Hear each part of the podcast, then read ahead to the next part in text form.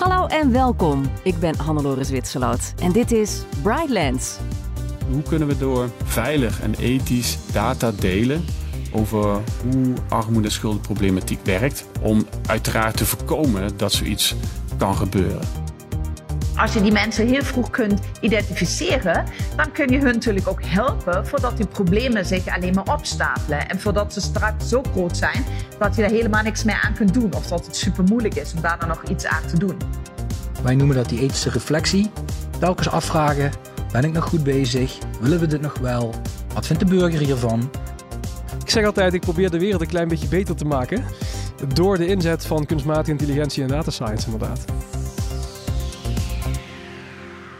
En dat zijn de stemmen van onze gasten in de podcast vandaag. En je hoorde het al: kunstmatige intelligentie en data science. En dat betekent dat ik terug ben in Heerlen bij de Brightlands Smart Services Campus.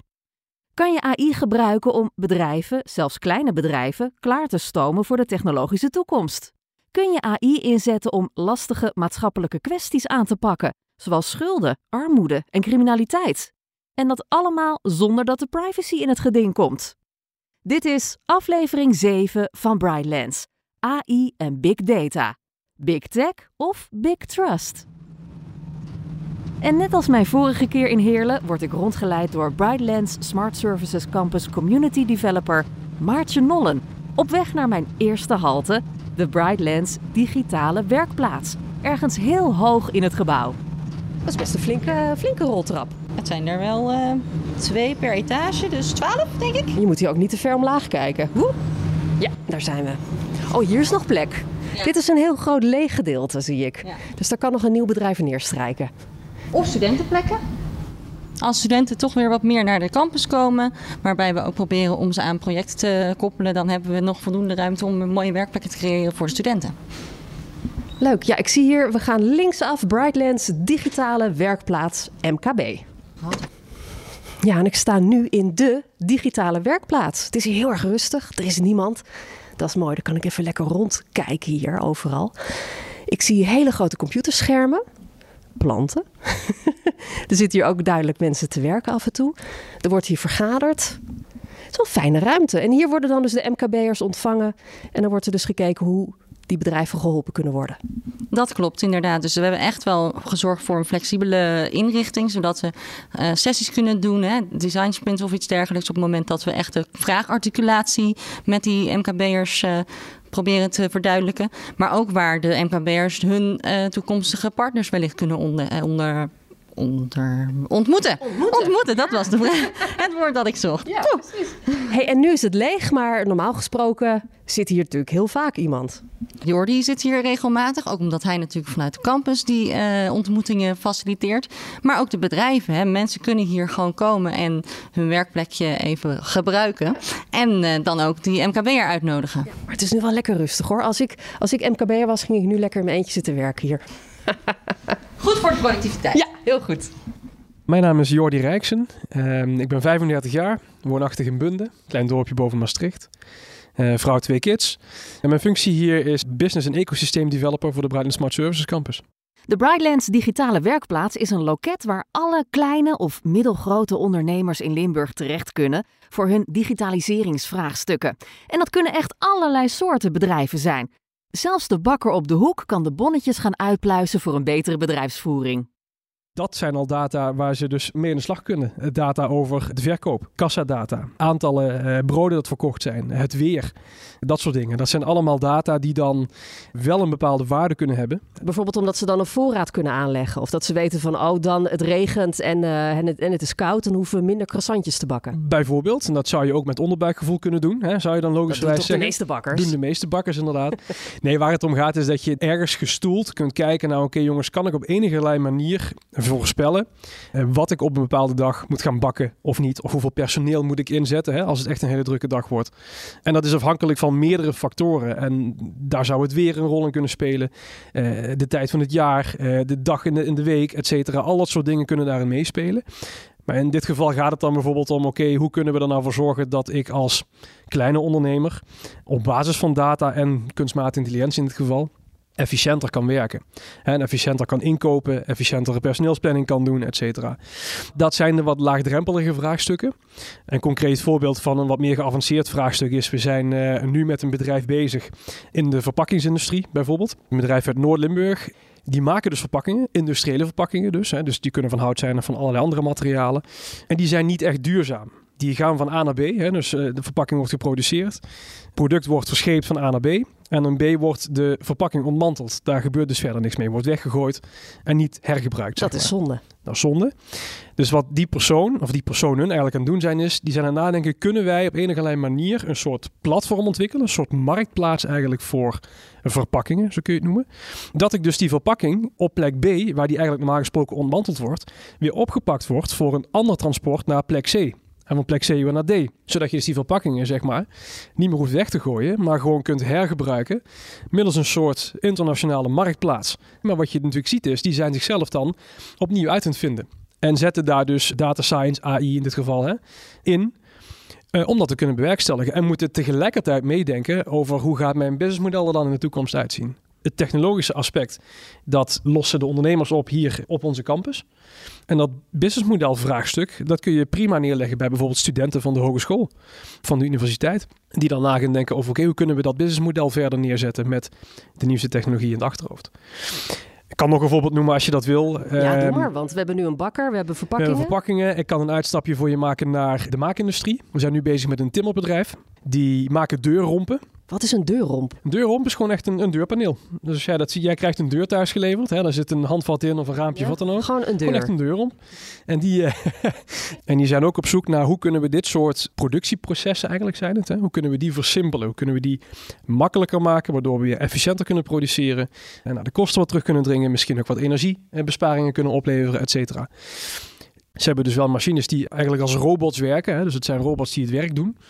Maar die moeten wel handmatig worden aangestuurd door de mensen die daar werken. Nou, als jij een order levert daar, moet je nog steeds de telefoon pakken en zeggen: joh, ik heb uh, eh, 100 euro nodig van dat en dat formaat. Uh, dan moet die en die. Want ik zet hier in de bouwmarkt neer en dan moet het 10 Precies, in. nou zoiets. Hè? Dat zijn dus eigenlijk best wel uh, intensieve processen. En diegene komt bij ons aan en die zegt van ja, ik zou eigenlijk dat hele proces wel wat meer willen digitaliseren. Zodanig dat eigenlijk die hele productielijn vanzelf gaat werken. Dus ik heb een platform nodig waar de klant uiteindelijk zijn behoeftes invult. Wat zij dus willen is dat dat platform communiceert met chips, of een barcode, kan ook, hè, maakt niet uit. Die worden geïmplementeerd in die uh, deurrompen. Dat is zodanig dat dus uh, elke robot, waar dan ook, uh, gewoon kan inlezen, zonder computer gestuurd te zijn, hoe die dus die deur moet bewerken. dus dat zijn best wel geavanceerde trajecten eigenlijk waar ze dan mee in de slag gaan. Maar wat je nu beschrijft is echt exact wat ik me voorstel bij kunstmatige intelligentie. Dat je iets, iets een orde plaatst, dat er dan via chips allemaal informatie gaan, dat robots aan het werk gaan. Dat is het gewoon helemaal. Dat is een onderdeel van kunstmatige intelligentie. Ja, er zijn natuurlijk andere uh, varianten, maar je, je vroeg naar voorbeelden. Dit zijn gewoon drie concrete voorbeelden die, uh, die wij de laatste tijd voorbij zien komen. Hoe belangrijk is het dat de midden- en kleinbedrijven meer daaraan gaan doen? Meer met die data aan de gang gaan? Want volgens mij gebeurt dat nog niet zo heel veel. Kijk, zonder naar mensen voor het hoofd te stoten. Ik denk dat het MKB in Limburg wat dat betreft uh, nog te weinig aandacht heeft voor het digitaliseringsaspect. Ik denk ook dat het heel vaak onwetendheid is. Onwetendheid in de vorm van, joh, als je bijvoorbeeld energiereductie wil bewerkstelligen, kun je digitalisering inzetten om dat te realiseren. En dat is ook meteen waarom het zo belangrijk is dat MKB'ers dit gaan doen. Ten eerste omdat het te maken heeft met de vitaliteit van zo'n onderneming in nu in de komende vijf jaar. Want als je niet meegaat, eh, dan loop je kans dat je de boot gemist hebt. Maar aan de andere kant kan digitalisering echt gewoon een enabler zijn ook. Een aanjager, min of meer, voor andere transities die je wil doen. Zeker als we nu kijken naar problemen als eh, de energiecrisis natuurlijk. Je kunt digitalisering inzetten om daar eh, aan reductie te doen.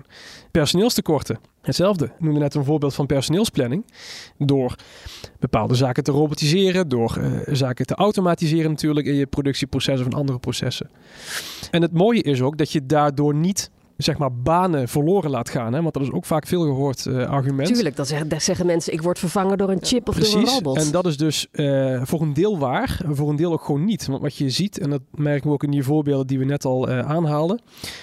Door dit soort dingen te gaan doen en te implementeren, kun je ze omscholen en zeggen van joh, jij gaat nu, jij bent verantwoordelijk voor deze productielijn. En eigenlijk zijn ze dan geen lopende band medewerker meer, maar sturen ze in één keer een robotsysteem aan of een AI-systeem sturen ze aan. Op welk project ben je het meest trots? Kun je een voorbeeld geven van je echt denkt, yes! Ik heb naast het MKB nog een aantal andere thema's in mijn portefeuille zitten. Eén daarvan is gezondheid en zorg. Volgens mij mijn collega André Dekker, die is al een keer in deze podcast eh, verschenen, dus die heeft daar waarschijnlijk wat over gezegd. Ik heb samen met André, met collega's, hebben we een project gedraaid dat erom ging een algoritme zodanig te trainen dat het hersenscans, dus MRI-scans van hersentumoren, kon lezen en kon beoordelen bijvoorbeeld. Hè. Normaal gesproken als jij gediagnosticeerd wordt met een hersentumor, dan komt er een biopt, gaan ze je opereren, gaan ze bij je naar binnen, letterlijk, om te kijken, ja, wat is de samenstelling van zo'n tumor, hoe ziet die eruit, wat moet de behandeling zijn, weet je, al dat soort vraagstukken. En met dat algoritme uh, zou dat deel dus bespaard kunnen blijven. Hè. Dan zou je dus op basis van een, van een MRI-scan, die je dan voorlegt aan een algoritme, kunnen ja, laten zien, oké jongens, op basis van deze beelden is dit een tumor van die en die graad, die en die cellen in, dan moet je die in die behandeling op loslaten. Dus je krijgt een enorme soort database. En aan de hand daarvan kun je dus uh, ook voorspellen uh, hoe je iets het beste kan aanpakken. Het punt is, je hebt natuurlijk, als je zo'n algoritme wilt trainen, heb je gewoon ontzettend veel data, in dit geval beelden, nodig van verschillende ziekenhuizen. En die heb je niet zomaar voorhanden. Daar zitten allerlei vraagstukken aan vast. En dan kom je op meer in de ethische hoek terecht en ook in de privacygevoelige hoek. En in dit geval, in dit project, hebben we met een ziekenhuis of 4, 5, hebben we gekeken hoe we dit uh, traject zouden kunnen doorlopen. Hoe kunnen we op een goede manier en een privacybestendige manier met elkaar gedeeld kunnen worden. Zodanig dat dus dat algoritme uh, goed getraind kan worden en dus ook gewoon ja, tot de gewenste uitslagen komt. Nou, dat is natuurlijk een heel gaaf project. Dat ook natuurlijk zijn weerga heeft op de mens zelf. Tuurlijk, want daar doe je dit gaat niet over personeelsverlopen uh, of uh, inkoop nee. van, van uh, croissantjes. Dit gaat om mensenlevens redden de claim die je wel kunt maken is dat je op die manier wel een bijdrage levert aan een efficiënter proces hè, voor de patiënt, maar ook voor de arts. En hopelijk gewoon ook een betere behandeling. En uiteindelijk, hè, als je dat dus kunt doorberedeneren, ja, dan kom je uit bij hopelijk ook mensenlevens redden. Maar dat is dus een claim die je vanuit deze hoek nog niet kunt maken. Maar ik kan me voorstellen dat je daar trots op bent nogmaals, het is gewoon echt een project uh, waar de mensheid ook echt iets aan heeft natuurlijk. Waar je alleen maar kan hopen dat dit soort dingen alleen maar ja, meer gaan gebeuren, zodat die zorg ook een beetje ontlast wordt en dat mensen gewoon sneller en gerichter geholpen kunnen worden. Jordi Rijksen is business- en ecosysteemdeveloper voor de Brightlands Smart Services Campus. Op weg naar mijn volgende afspraak kwam ik steeds in het wild hier op de campus studenten tegen. Hoi, ik ben Mick. Ik studeer Facility Management bij Zuid-Hogeschool hier in Heerlen. En ik loop tot en met januari hier stage. En hoe is het hier op de campus? Want het voelt wel een beetje als werken, denk ik. Ja, het is zeker een beetje als werken, maar je maakt zeker kennis met de, ja, de werkomgeving. Met uitzicht op de snelweg. het gaat het hier ook allemaal snel? Ik geloof dat ik niet achterloop, dus... nee, nou liepen we net naar de koffieautomaat met z'n allen en weer terug. Het is best een hele wandeling. Die roltrappen komen wel van pas, hè? Ja, zeker, absoluut. En wat studeer jij? Uh, ook facility management. Vertel wel, wat doe je dan zo al op een dag? Koffie halen? Nee. ja, we zitten nu eigenlijk vooral in ons eigen onderzoek. Maar ook gewoon dingen ehm, helpen met het opzetten van evenementen en uh, meekijken met eigenlijk ja, hoe het hier gaat. En welk type student loopt hier nou rond? Zijn het allemaal nerds? Uh, welk type student? Nee, nee, nee, nee. Zeker geen nerds. Er zit hier ICT van Zuid en ook van Unie Maastricht zitten hier studenten. Ik denk juist studenten die, die een toekomstblik hebben heel erg. Vooral voor de, de regio hier in Limburg. Die studenten die lopen hier denk ik rond. leuk. Hey, en als het aan jullie ligt, blijf jij hier dan werken straks na je stage? Nou, dit is de derde jaar stage. Ik moet het een vierde jaar stage gaan doen. Wie weet wat de toekomst brengt. Want het bevalt wel? Het bevalt zeker, tot nu toe. Succes. Ja, dankjewel.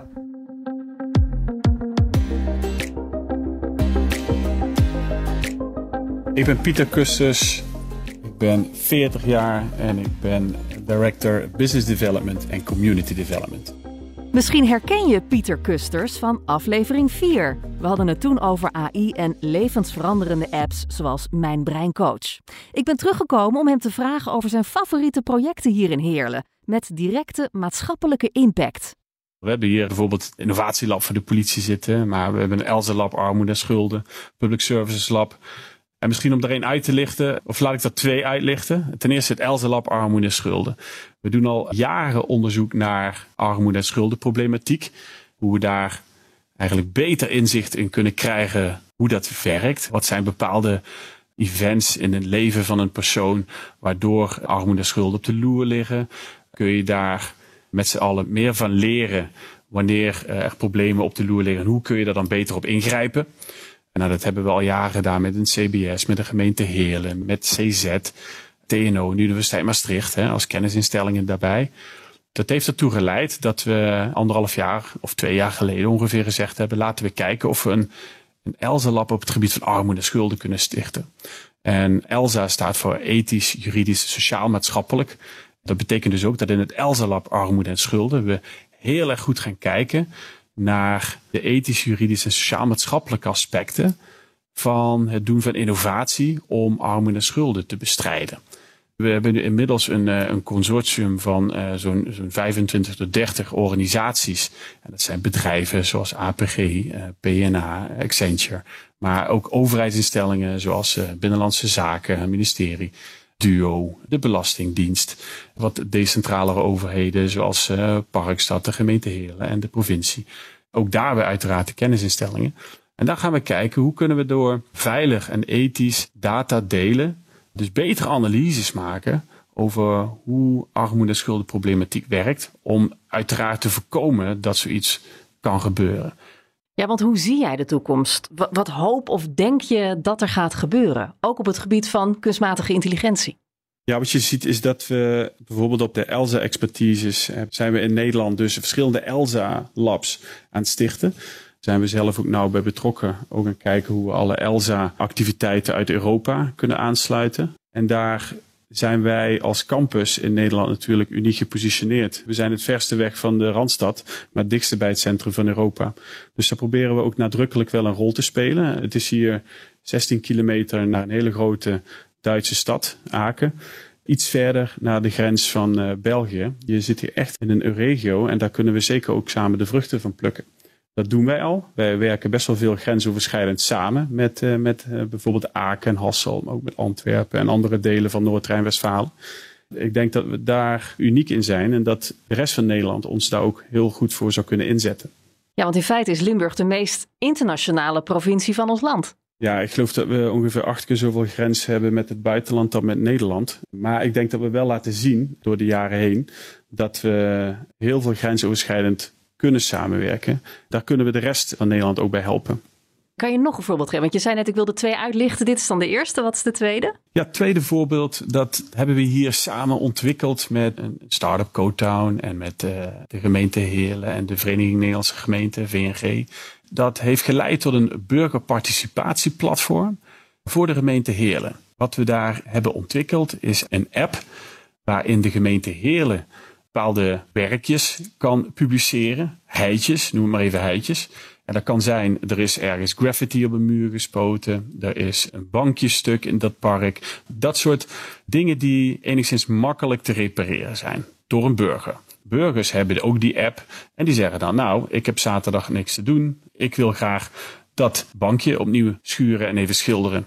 Dat wordt toegewezen aan die persoon en nou, dat het is afgerond wordt dat gerapporteerd in die app. Nou, dan gaat er een ambtenaar van de gemeente langs, die kijkt of het inderdaad gebeurd is. Is het gebeurd? Dan wordt er een klein bedrag, we hebben het over 15 of 25 euro, wordt er uitgekeerd aan die persoon die dat eh, gerepareerd heeft of gemaakt heeft.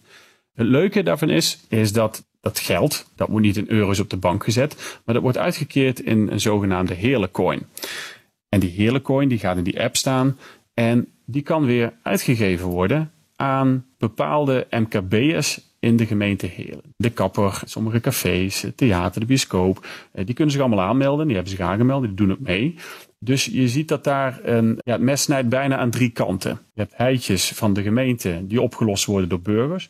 Burgers die voelen zich weer betrokken bij de buurt. Want dat is vaak wat je ziet in sommige wijken. Dat, zeker dat wat oudere mensen zijn de binding met de buurt aan het verliezen.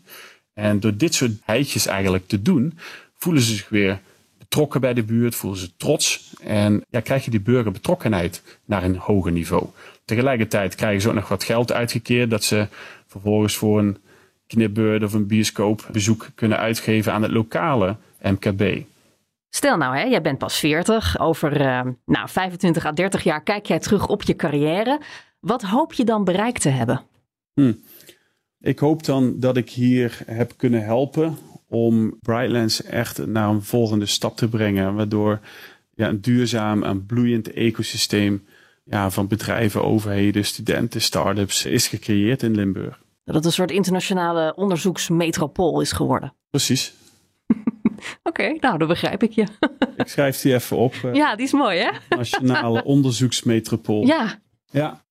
Nou, ik bedenk wel vaker nieuwe slagzinnen voor de Brightlands campussen de laatste tijd. Eh, een paar minuten geleden had Pieter Kusters het over het ELSA Lab. ELSA, dat staat voor Ethical, Legal and Societal Aspects van Data Science en AI. Maar hoe werkt dat in de praktijk? Ja, mijn naam is Lisa Brugge. Ik ben hoogleraar financiële diensten bij de Universiteit Maastricht. En als principal investigator, dus wil zeggen een van de hoofdwetenschappers aan de Bright and Smart Services campus in Heerlen verbonden bij het BIS Instituut. Uh, ik ben 45 jaar. Ik kom oorspronkelijk uit Duitsland, maar ik woon al heel lang in deze prachtige regio. Ik wou zeggen, want ik hoor een licht accent inderdaad. Ja,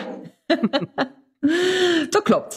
Hoogleraar Lisa Brugge gelooft dat met het voorzichtig inzetten van AI je schulden en armoede kunt bestrijden en misschien zelfs kunt voorkomen. Als je die mensen heel vroeg kunt identificeren, dan kun je hun natuurlijk ook helpen voordat die problemen zich alleen maar opstapelen. En voordat ze straks zo groot zijn dat je er helemaal niks meer aan kunt doen. Of dat het super moeilijk is om daar dan nog iets aan te doen. De idee is heel erg goed, maar vervolgens zijn natuurlijk een heleboel uitdagingen. Want om dat goed te kunnen identificeren, heb je veel data nodig. En die ligt weer heel versnipperd bij een heleboel verschillende partijen. Dus misschien dat mensen eerst een energiecontract niet meer betalen. Iets wat natuurlijk vooral op dit moment uh, heel erg actueel is. Of de zorgverzekeraar niet meer betalen. Nou ja, dan weet de gemeente daar eigenlijk niet van. En wat je liefst zou willen is dat je natuurlijk die data bij elkaar brengt. Maar dat is natuurlijk supergevoelige data. Dus wij kijken dan, nou ja, kan dit überhaupt? Of hoe kan dat dan? Hè? Want er zijn inmiddels ook manieren waarbij je bijvoorbeeld niet de data deelt, maar alleen een algoritme langs verschillende bronnen laat lopen om iets te identificeren. Maar er zijn ook manieren om data te delen zodat het uh, heel veilig uh, is en heel betrouwbaar is. Maar dit is natuurlijk vooral ook na de toeslagenaffaire echt een vraagstelling waar je heel goed en heel grondig naar moet kijken. En waar wij dan vanuit het lab zeggen, oké, laten we nu eerst even echt de ethische um, uitdagingen identificeren, de juridische raamvoorwaarden inzichtelijk maken. Burgers ook vragen wat ze eigenlijk dan zelf willen of goed vinden. Om dan te kijken hoe ziet zo'n oplossing er dan eigenlijk uit. En niet dus vanuit een bepaalde techniek gewoon hè, iets opleggen. Dus dat is een voorbeeld van een van de projecten waar we mee bezig zijn. Ja, je noemde net al de toeslagenaffaire. Wat kunnen we daarvan leren op het gebied van AI? Ik denk dat we heel veel van de toeslagenaffaire kunnen leren en moeten leren. Ik denk ten eerste heeft AI natuurlijk een, ook daar een belangrijke rol in gespeeld. Hè, dat er eigenlijk een bias in zat in identificeren van mensen die mogelijkerwijze daar fraude uh, plegen. Ik denk dat er ook nog breder eigenlijk ook uh, lessen uit getrokken kunnen worden dan vervolgens hoe je met mensen communiceert en hoe je ook uitlegt op basis waarvan een beslissing tot stand is gekomen en hoe je rechtvaardigt hoe je tot bepaalde inzichten bent gekomen. Want dat speelt bij AI natuurlijk ook. Hè? Straks heb je dan een robot. Hè? De, ik weet niet of je die grap kent. The robot says no. um, ja, maar je wilt natuurlijk wel snappen. Stel dat je ergens een lening aanvraagt. En je krijgt de hoge nee. Ja, maar ja, op basis waarvan heb je nu het besluit genomen? En is dat wel eerlijk? Ja, je wil de, de menselijke mate ook niet uitvlakken natuurlijk. Nee. En, en om je nog een ander uh, voorbeeld te geven. Een van de projecten waar ik zelf heel enthousiast over ben. Is de menselijke maat. Die term hoe je nu steeds vaker. Wat wij ook belangrijk uh, vinden, is dat bij alle beleidsmakers eigenlijk een goed ja, beeld heerst van waar de mensen waarvoor ze beleid maken eigenlijk mee te maken hebben. Zodat ze niet vanuit hun bureau en hun vierkante meter iets bedenken wat in, in een misschien bureaucratische organisatie um, werkt en zinvol is, maar dat je wel iets verzint wat voor de mensen waarvoor je doet ook werk en bijdrage levert. Dus wij willen heel graag, en dat hopen we vanaf volgend jaar te kunnen doen, een virtual reality simulatie gaan maken die ook weergeeft wat het nu eigenlijk uh, betekent om problematische schulden te hebben of in armoede te leven. Dat willen we ook samen met burgers ontwikkelen, want ook, ja, ook daar is natuurlijk wel belangrijk dat je dat op een zorgvuldige en goede manier doet. En niet zo dat je bepaalde stereotypen of ideeën bevestigt. Maar juist ook op een manier dat je laat zien hoeveel stress het kan veroorzaken als je op vijf verschillende dagen dingen krijgt uitbetaald. Of al die brieven die je op je deurmat uh, krijgt. En die belevingswereld van de mensen zelf in zo'n simulatie vatten. Zodat dan beleidsmakers ook, wat kun je dan de training of zo gebruiken, om dan te zorgen dat het beleid veel meer ingaat op de mensen zelf. Ja, dus je kan een ambtenaar dan echt in de belevingswereld van degene plaatsen voor wie hij of zij dat beleid maakt. Klopt, klopt. En dan uh, vaak krijg je dan de vraag, maar ja, uh, dat kun je toch ook op andere manieren. Ja, dat kan natuurlijk ook. Maar um, je ziet ook dat heel veel burgers daar niet zo graag over praten. Dat is toch vaak een onderwerp wat heel gevoelig is. Na een toeslagaffaire zijn ze ook vaak het vertrouwen kwijt. Dus als er iemand bij hen aanklopt, nou vertel eens, en hoe is dat nou? Dan is dat toch vaak weer moeilijk en het is ook niet schaalbaar. En we denken dat daar ook een stukje techniek bij kan helpen. Om dan te zorgen dat je zo'n belevingswereld eigenlijk voor meer beleidsmakers kunt creëren om zo hun empathie eigenlijk nog meer te vergroten. Ja, ik denk dan bijvoorbeeld ook aan uh, dat zo'n beleidsmaker misschien uh, een paar uur als, als dakloos iemand kan doorbrengen middels virtual reality. Ja, dat is wel leuk dat je dat voorbeeld aanhaalt. Want uh, omdat wij zelf onze virtual reality ervaring nog niet gebouwd hebben, gebruiken we vaak eentje die in Stanford is ontwikkeld. Die doet precies dat. Dat is eigenlijk een beleveniswereld rondom daklozen. En dan kun je zelf ervaren hoe, hoe dat nu eigenlijk aanvoelt. Um, ik heb dat meegemaakt. We geven bij ons uh, op de Bright Smart Service Campus in Heerlen ook uh, demonstraties. Bij veel conferenties hebben we ook al een deelnemers laten zien. En dat doet iets met je. Dus het is ook heel anders dan een, een video kijken of een beleidstuk. Want het doet echt iets met je emoties. Ik heb het idee, maar dat willen we dan natuurlijk ook verder onderzoeken, dat dat eigenlijk ook uh, een positief effect moet gaan hebben om nog meer burgergericht dan beleid uh, te gaan maken. Lisa Bruggen is hoogleraar financiële diensten bij de Universiteit Maastricht en als een van de hoofdwetenschappers verbonden aan BIS op de Brightlands Smart Services Campus.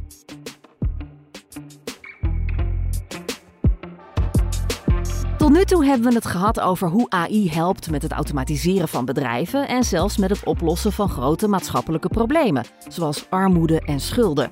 Maar kun je AI ook inzetten tegen de misdaad? Gewoon om boeven te vangen. Danny Timmermans, ik ben 38 jaar oud, bij functies innovatiemanager bij het Politie Innovatie Lab in het zuiden, in Heerlen. Ja, je hoorde het goed. Danny Timmermans is een soort cyberkop. Hij werkt met de nationale politie in het iLab om te zien wat voor slimme oplossingen ze kunnen bedenken om de criminaliteit aan te pakken in Limburg en de rest van Nederland. Waar we nu mee bezig zijn, denk ik, is een van, is ook wel een beetje het paradepaardje van ons eh, portfolio op dit moment, is een spraakgestuurde assistent. Nou, en is dat niet zo nieuw, hè? Ik bedoel, wij hebben allemaal kennen we onze Siri en Home Assistant en wat hebben we nog meer, Alexa. Maar om met spraak, zeg maar, de politieman of vrouw te ondersteunen, dat is natuurlijk wel heel nieuw. Die Nexus, dat is eigenlijk, ja, ik zeg een spraakgestuurde assistent. Daar kun je vragen aan stellen van, hey Nexus, ik ben op weg naar ja, gaat het echt zo? Hey, Nexus, ik ben op weg naar die en die. Uh, welke boef woont daar?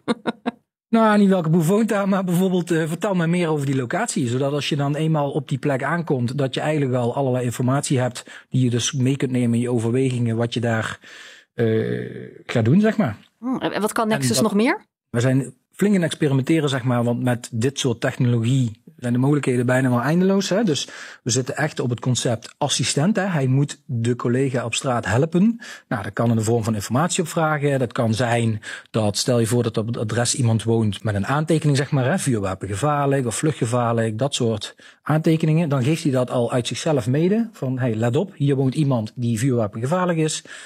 We zijn bezig met scenario's uit te werken waarin iemand naar een wijkagent bijvoorbeeld kan vragen, s ochtends bij de start van zijn dienst Hey Nexus, vertel me meer over mijn wijk. Zodat hij eigenlijk alle informatie al aangeboden krijgt en op basis daarvan uh, zeg maar zijn werk gaat doen in de wijk. Maar ook bijvoorbeeld, en dat is wel leuk met dit soort technologie, is bijvoorbeeld Hey Nexus, vertaal de rechten van een verdachte in het Chinees, Russisch, maakt niet uit. Volgens mij 24 talen ondersteunen we op dit moment. En dan spreekt hij dat hardop uit en dan kan je dat verdachte laten horen die je net hebt aangehouden. En dat zijn de rechten van hem in zijn eigen taal. Nog een ander voorbeeld bijvoorbeeld is uh, notities opslaan. Hè? Dus hey Nexus, willen een notitie uh, spreken. Nou, dan doe je je verhaal. Hij maakt van die spraak, maakt die tekst en vraagt op het einde, moet ik het naar je mailbox sturen? En dan krijg je het daar binnen. Je kunt kentekens opvragen. Eigenlijk zoveel mogelijk proberen we, zeg maar, die collega te ondersteunen doordat die kan praten. Ja, het is meer een soort PA uh, die alles weet. Ja, ja Nou, alles weet, weet ik niet. Maar in ieder geval, we hopen dat hij inderdaad gewoon het, ja, de collega op straat eh, ondersteunt. Of in het geval van een controle, wegen verkeerswet, moet je naar die en die documenten vragen. Dus met dat soort gedachten en dat soort dingetjes zijn we zeg maar aan het experimenteren nu. Nou, dat klinkt superhandig en onmisbaar bijna al. Ik hoop het. Kan je nog Ik een het. voorbeeld geven van, eh, van een stukje nieuwe technologie bij de politie? Bijvoorbeeld robotisering van administratief werk. Nou ja, dat, is in het, dat noemen ze RPA, Robotic Process Automation. We hebben samen met het politiedienstcentrum, trekken we hier trouwens in op. En daar hebben wij eh, RoboJack gebouwd. En wat RoboJack eigenlijk is, is een stukje software. Maar dat is wel een virtuele medewerker. Dus waar wij voorheen eh, de meld misdaad anoniem meldingen. Ja, ik heb nog nooit gebeld, maar ik, ik ken het wel Ja, inderdaad, je- het principe. maar dan krijg ik dus Jack ja. aan de lijn nu, als ik zou bellen. Nee, nee, sorry. Oh. Nee, je krijgt gewoon nog steeds de mensen van Meldmisdaad Anoniem aan de lijn. Alleen, die doen eigenlijk een verslag schrijven van wat jij daar eh, vertelt. En aan de achterkant, aan de kant van politie, zit normaal een heel administratief proces. Van het oplussen van die informatie. Dus dan gaan ze allerlei informatie zoeken in de politiesystemen. Van waar hebben we hiermee te maken? Kennen we die handeloren al? Is er al eerder een keer een, eh, een incident Belt geweest? die of mevrouw elke dag met een tip? Ja. Belt hij elke dag, exact. Nou ja, noem maar op. Dat zoeken we allemaal op. Nou, dat laten we nog steeds de mens doen, hè, want dat is het cognitieve werk, zeg maar. Maar vervolgens die 15 minuten per melding die die collega bezig is van de intelligence afdeling met dat allemaal in de systemen over te typen, dat doet Robot Jack nu. En dat doet hij geautomatiseerd. Daar hoeven ze, hoeven ze niks meer aan te doen. Ze drukken op een knop naar verzenden. De robot neemt de melding over en die verwerkt dat. Nou ja, en dat doen we met 25.000 meldingen per jaar. Dus dan kun je je wel voorstellen dat dat enorm veel capaciteit scheelt. Capaciteit die altijd onderdeel is van discussie binnen de politie, hè, of onderwerp van gesprekken. Tuurlijk, want iedereen roept altijd er moet meer politie komen. Moet meer politie. Maar jullie doen dat dus aan de achterkant. Ja, dus wij proberen zeg maar werk dat eigenlijk een mens niet zou hoeven doen, over te laten nemen door technologie. En wat, wat merk ik nog meer als eh, gewone burger, zeg maar, van eh, alle technologische hoogstandjes van de politie? Kan je nog een voorbeeld geven? Drones is denk ik wel een voorbeeld, hè? Moet ik nu even indenken. Hè? Dus we hebben een aantal jaren geleden meegewerkt aan het landelijk project Drones. Hier vanuit het iLab. Wat jij dus als burger nu merkt, en het- je zou het zomaar al eens kunnen zien ergens bij een, eh, bijvoorbeeld een groot festival. Dat daar ergens in de lucht naast misschien wel de politiehelikopter of juist niet meer de politiehelikopter, maar ook een politiedrone in de lucht hangt. Om te monitoren van, nou ja, hoe gaat het met die van, crowd control, dat soort, eh, dat soort zaken. En in hoeverre zijn jullie dan bezig met de veiligheid? Want ik zie dan meteen zo'n science fiction film voor me, bij een drone wordt gehackt en hele toestanden. Ehm, bedoel je dat onze drone wordt gehackt? Ja. Zo, eh, Ja, dat denk ik, als jullie al die technologie hebben, dan ben je op een bepaalde manier misschien ook kwetsbaar. Ik denk aan privacy, veiligheid. Zeker. Exact, hè? dus dat is ook wel de kritische noot rondom innovatie. Hè? Dus eh, innovatie, zeker in experimentele omgevingen, daar kan heel veel. Mensen zijn super enthousiast daarmee bezig, ze zijn creatief. Maar ja, je moet ook wel scherp blijven op, en ik noem maar heel even de businesskant, hè? dus budgetten. Maar wat jij nu ook zegt, privacy en ethiek, dat is wel iets dat wij vanaf eigenlijk de start van een project, eigenlijk waar dat nog een idee is, al meenemen. Is dit veilig? Mag het volgens de huidige wetgeving? Maar anders, als het mag, willen we het dan ook wel. Hè? Dus met andere woorden, willen wij met dat soort technologie aan de slag gaan? Bijvoorbeeld gezichtsherkenning is een heel sprekend voorbeeld van. Ook wij willen daar aan experimenteren daarmee. Maar hoe gaan we dat dan inzetten? Er zijn genoeg voorbeelden, eh, volgens mij wel bekend hoe China het doet. Nou ja, daar kun je van alles van vinden. Maar wat we in ieder geval wel vinden is, nou, die politie willen wij niet zijn. Dat is niet de Nederlandse politie om die technologie zo in te zetten. Ook al hebben we hem tot onze beschikking. Wij noemen dat die ethische reflectie. Telkens afvragen, ben ik nog goed bezig? Willen we dit nog wel? Wat vindt de burger hiervan? Nou ja, dat nemen we wel mee in ons heel project, zeg maar. Ja, want dat is ook zeker mij, eh, mijn ervaring toen ik daar op de campus rondliep. Mensen zijn heel erg bezig met de ethiek ook. Ja, dat vind ik wel het mooie ook van inderdaad exact deze campus eh, waar jij het over hebt, Brightland Smart Service Campus. Dat dat ethiek, dat zit op heel veel plekken echt geborgd, zeg maar. Lijkt lijkt wel of het in het DNA van de campus zit, hè, met zo'n ELSA-lab. Maar en dat komt onder andere dat bijvoorbeeld ook de Universiteit Maastricht hier en de Open Universiteit en de Hogeschool Zuid, dat soort instellingen zitten hier gewoon fysiek aanwezig, waarmee we samenwerken. Waar je dus ook, los van het feit dat we dat soort mensen ook ondertussen zelf in dienst hebben binnen de Nationale Politie, maar waar je ook dan de expertise in huis kan halen om over dit soort onderwerpen ook goed na te denken. Als we nou even uitzoomen, hè? politie, Mhm. technologie, AI, het is inmiddels allemaal onlosmakelijk met elkaar verbonden.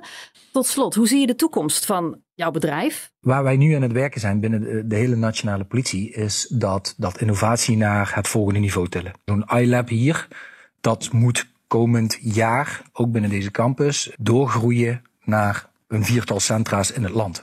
Dus dat iLab ook, dat gaan we komend jaar doorontwikkelen naar wat we nu nog noemen een Smart Safety Center. Waarin we veel meer de verbinding opzoeken met nog meer andere overheidspartijen. Waar we veel meer de krachten gaan bundelen.